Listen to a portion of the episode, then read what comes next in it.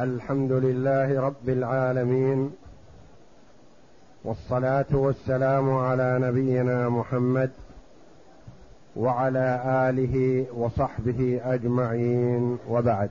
بسم الله. بسم الله الرحمن الرحيم. الحمد لله رب العالمين والصلاة والسلام على نبينا محمد وعلى آله وصحبه أجمعين.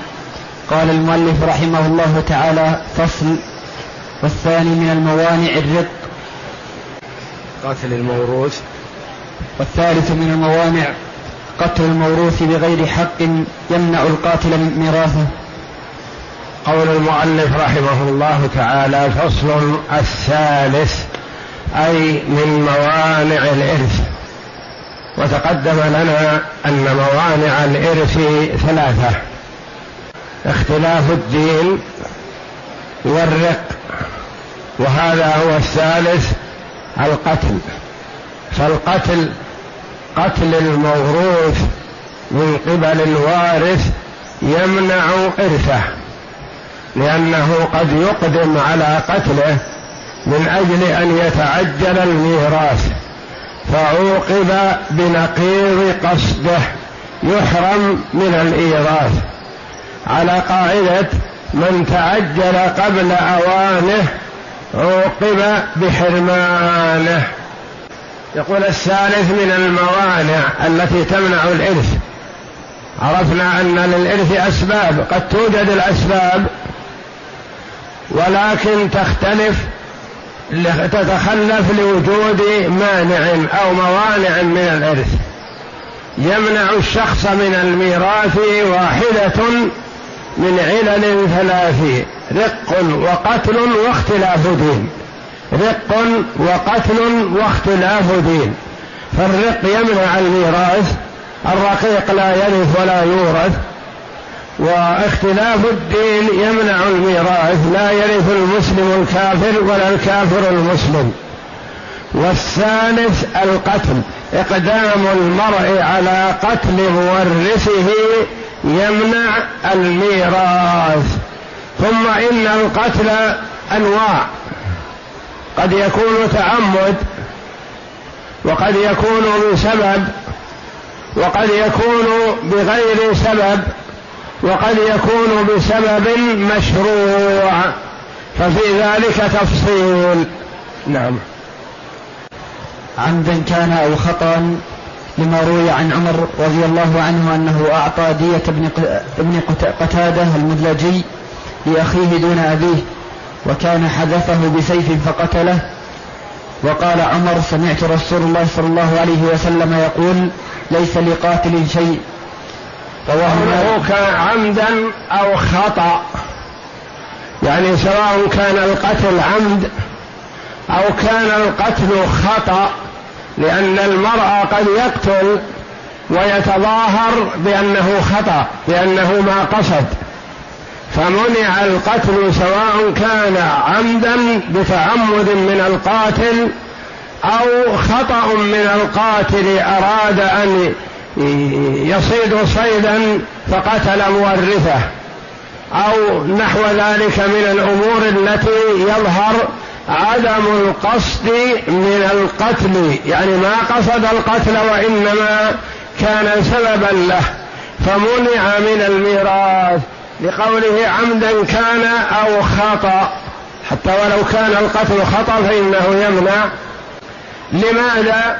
لما روي عن عمر رضي الله عنه عمر بن الخطاب رضي الله عنه أنه أعطى دية ابن قتادة المدلجي لأخيه دون أبيه.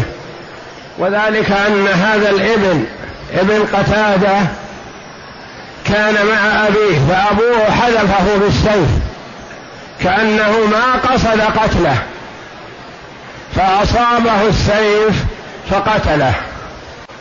فأخذ النبي صلى الله عليه وسلم الدية من الأب وأعطاها لأخ المقتول ولم يعط الأب منها شيئا لأنه هو المتسبب في القتل فلا يعطى منها شيء. وكان هذا بمحضر من الصحابة رضي الله عنهم فهو بمثابة الإجماع حتى لو كان القتل خطأ.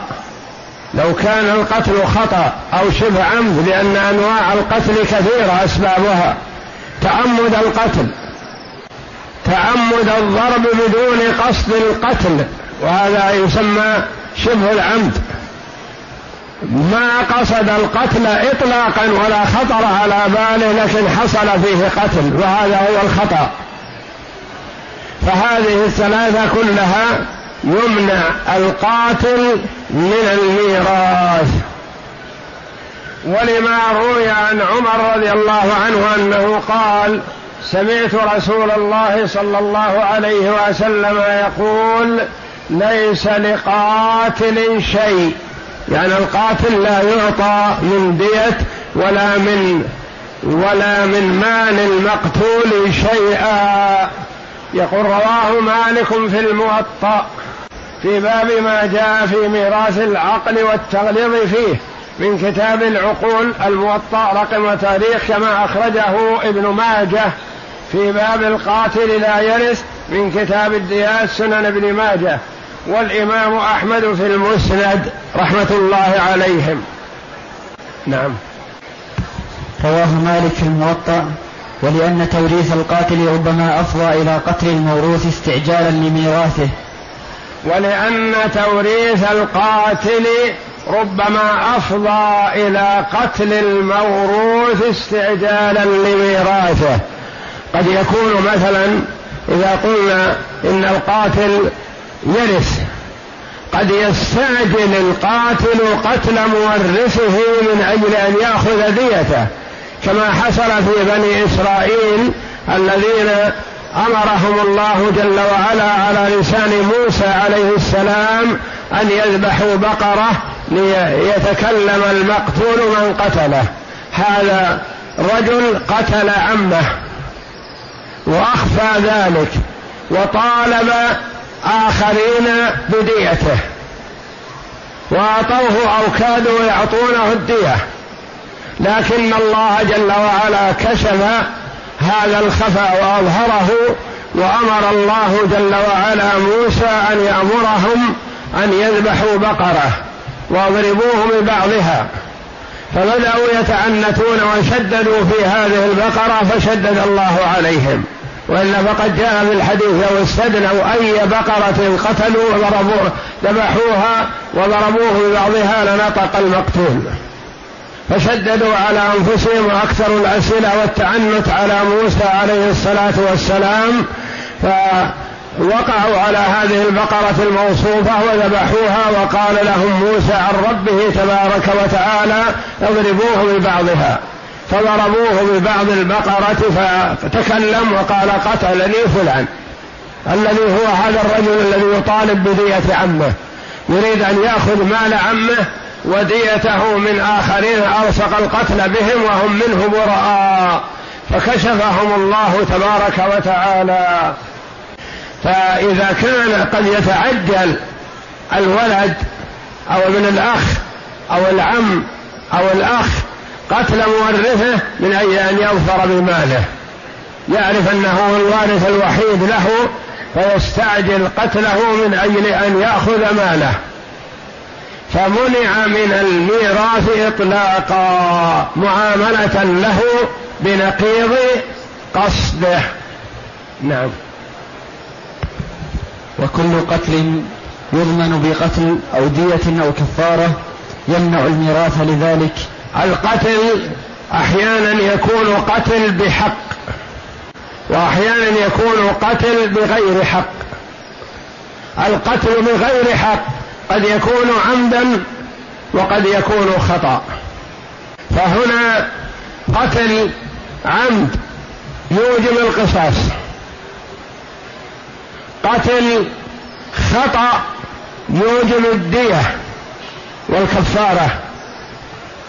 قتل خطأ يوجب الكفارة دون الدية بلا دية. هذه الثلاثة الأنواع كلها تحرم صاحبها من الميراث. قتل قصاصا لا يمنع الميراث. قتل محاربة لا يمنع الميراث. قتل حد من حدود الله لا يمنع الميراث. قتل باغي لا يمنع الميراث. قتل أنواع القتل كثيرة. قتل عمد عدوان. قتل خطأ يوجب الكفارة.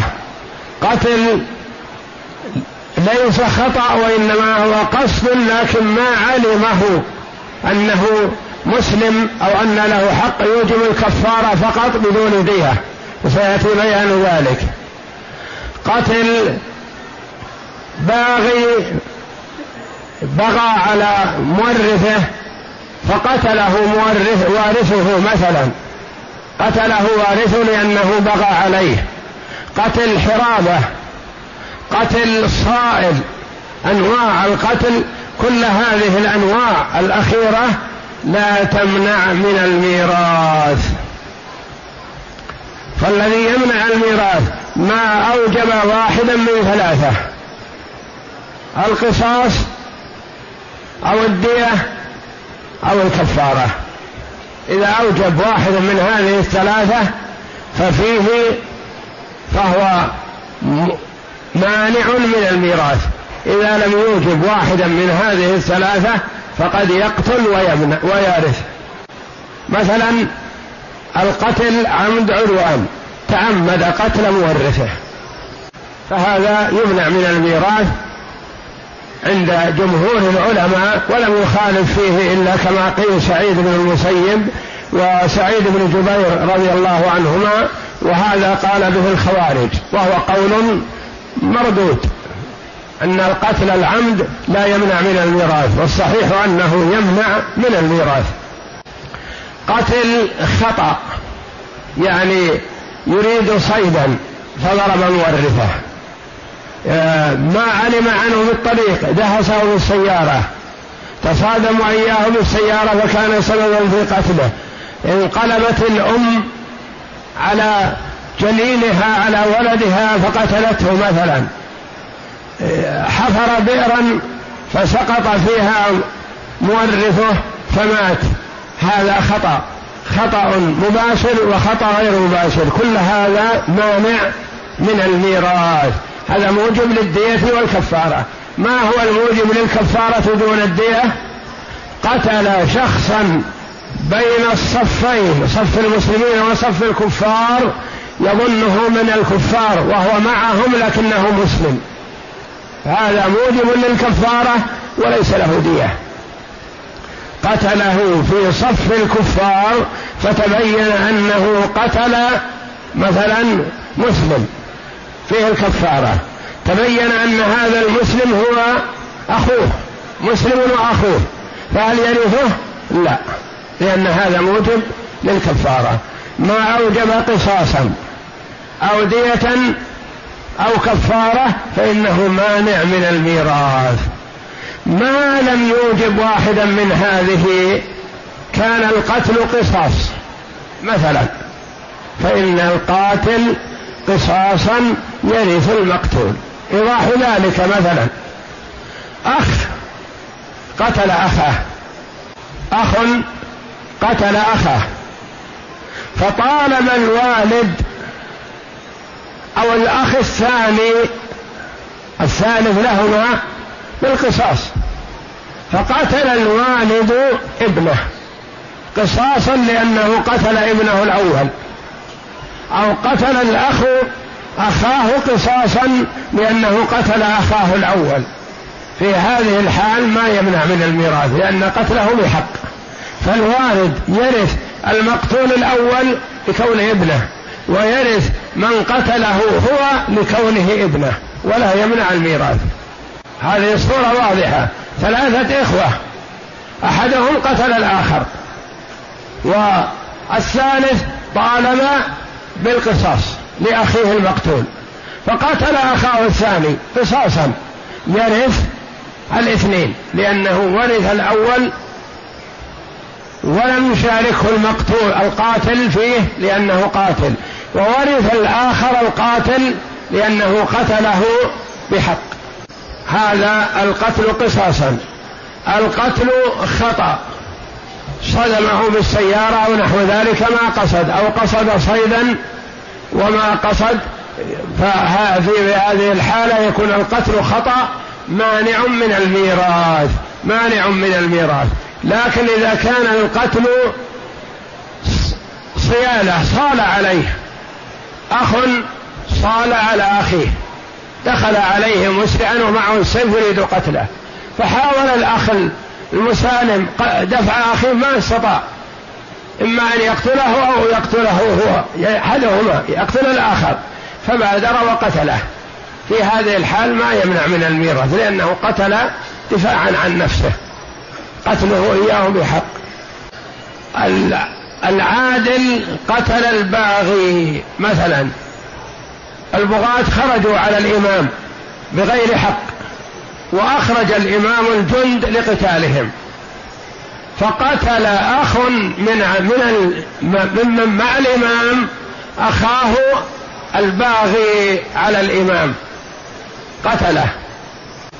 فقتله هذا بحق لأن للإمام مدافعة البغاة ولو لم يندفعوا إلا بالقتل قتلهم. فهذا قتل أخاه لكن لكونه باغي. فالقتل للباغي لا يمنع من الميراث ومثله كما تقدم الصائل ونحو ذلك. الموجب للكفارة الموجب للكفارة التقى الصفان المسلمون والكفار. واحد من المسلمين يرمي الكفار بسلاحه. أخوه مسلم يرثه. لو كان كافر من الاصل ما يرثه. لكن أخوه مسلم ويرثه. لكنه قتله. لأنه في صف الكفار. هذا موجب لماذا؟ موجب الكفارة. لا يجب فيه ديه ولا يجب قصاص وإنما يجب كفارة. فهل يرث أخاه؟ لا. لأنه خشية أن يتعمد قتل أخاه من أجل أن يرثه. فمنع من ذلك. فعرفنا أن القتل المانع للإرث ما أوجب قصاصا أو ديه أو كفارة. وما لم يوجب قصاص ولا دية ولا كفارة من أنواع القتل المتعددة فإنه لا يمنع من الميراث. نعم. أقرأ. وما لا يضمن وكل قتل وكل قتل يضمن بقتل أو دية أو كفارة يمنع الميراث لذلك وما لا يضمن كالقصاص والقتل في الحد لا يمنع لأنه فعل مباح. قتله حدا مثلا لكونه قاتل أو قتله لأنه تارك للصلاة فحكم عليه الإمام أو نائبه بالقتل حدا. فقال أخوه دعوني أقتله. أنا أقتله. أنا أتعبني وآذاني آمره كل يوم بالصلاة ويرفض. وأخشى إن قتله شخص آخر غيري أن أغار على قتل أخي فأقدم على قتله. مثل ما قال عبد الله بن عبد الله بن أبي بن سلول رضي الله عنه. الابن رجل صالح والأب كبير المنافقين والعياذ بالله. فجاء الابن الصالح للنبي صلى الله عليه وسلم. فقال يا رسول الله إن أردت قتل أبي فمرني بقتله أحضر لك رأسه. يقول الابن الصالح احضر لك رأسه. قال أو تحب ذلك؟ قال والله لقد علم أهل المدينة ما فيهم أحد أبر بوالده مني بأبي.